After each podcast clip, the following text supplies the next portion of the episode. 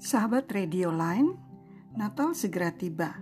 Ada sebuah lagu yang selalu dinyanyikan dalam misa malam Natal. Malam Kudus atau Silent Night. Ya, lagu itu aslinya dalam bahasa Jerman berjudul Still Nah Genah. Nyanyian tentang pujian dan syukur.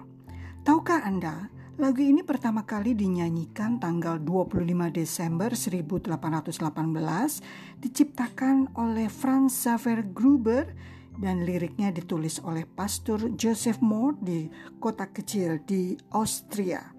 Nah, sahabat radio lain, ternyata lagu ini begitu terkenal hingga saat ini dinyanyikan oleh banyak penyanyi dan musisi dari berbagai aliran musik. Satu kebanggaan untuk umat Kristiani bahwa tahun 2011 lagu Malam Kudus dianugerahkan oleh UNESCO sebagai warisan kebudayaan tak ternilai. Itulah kisah lagu Malam Kudus.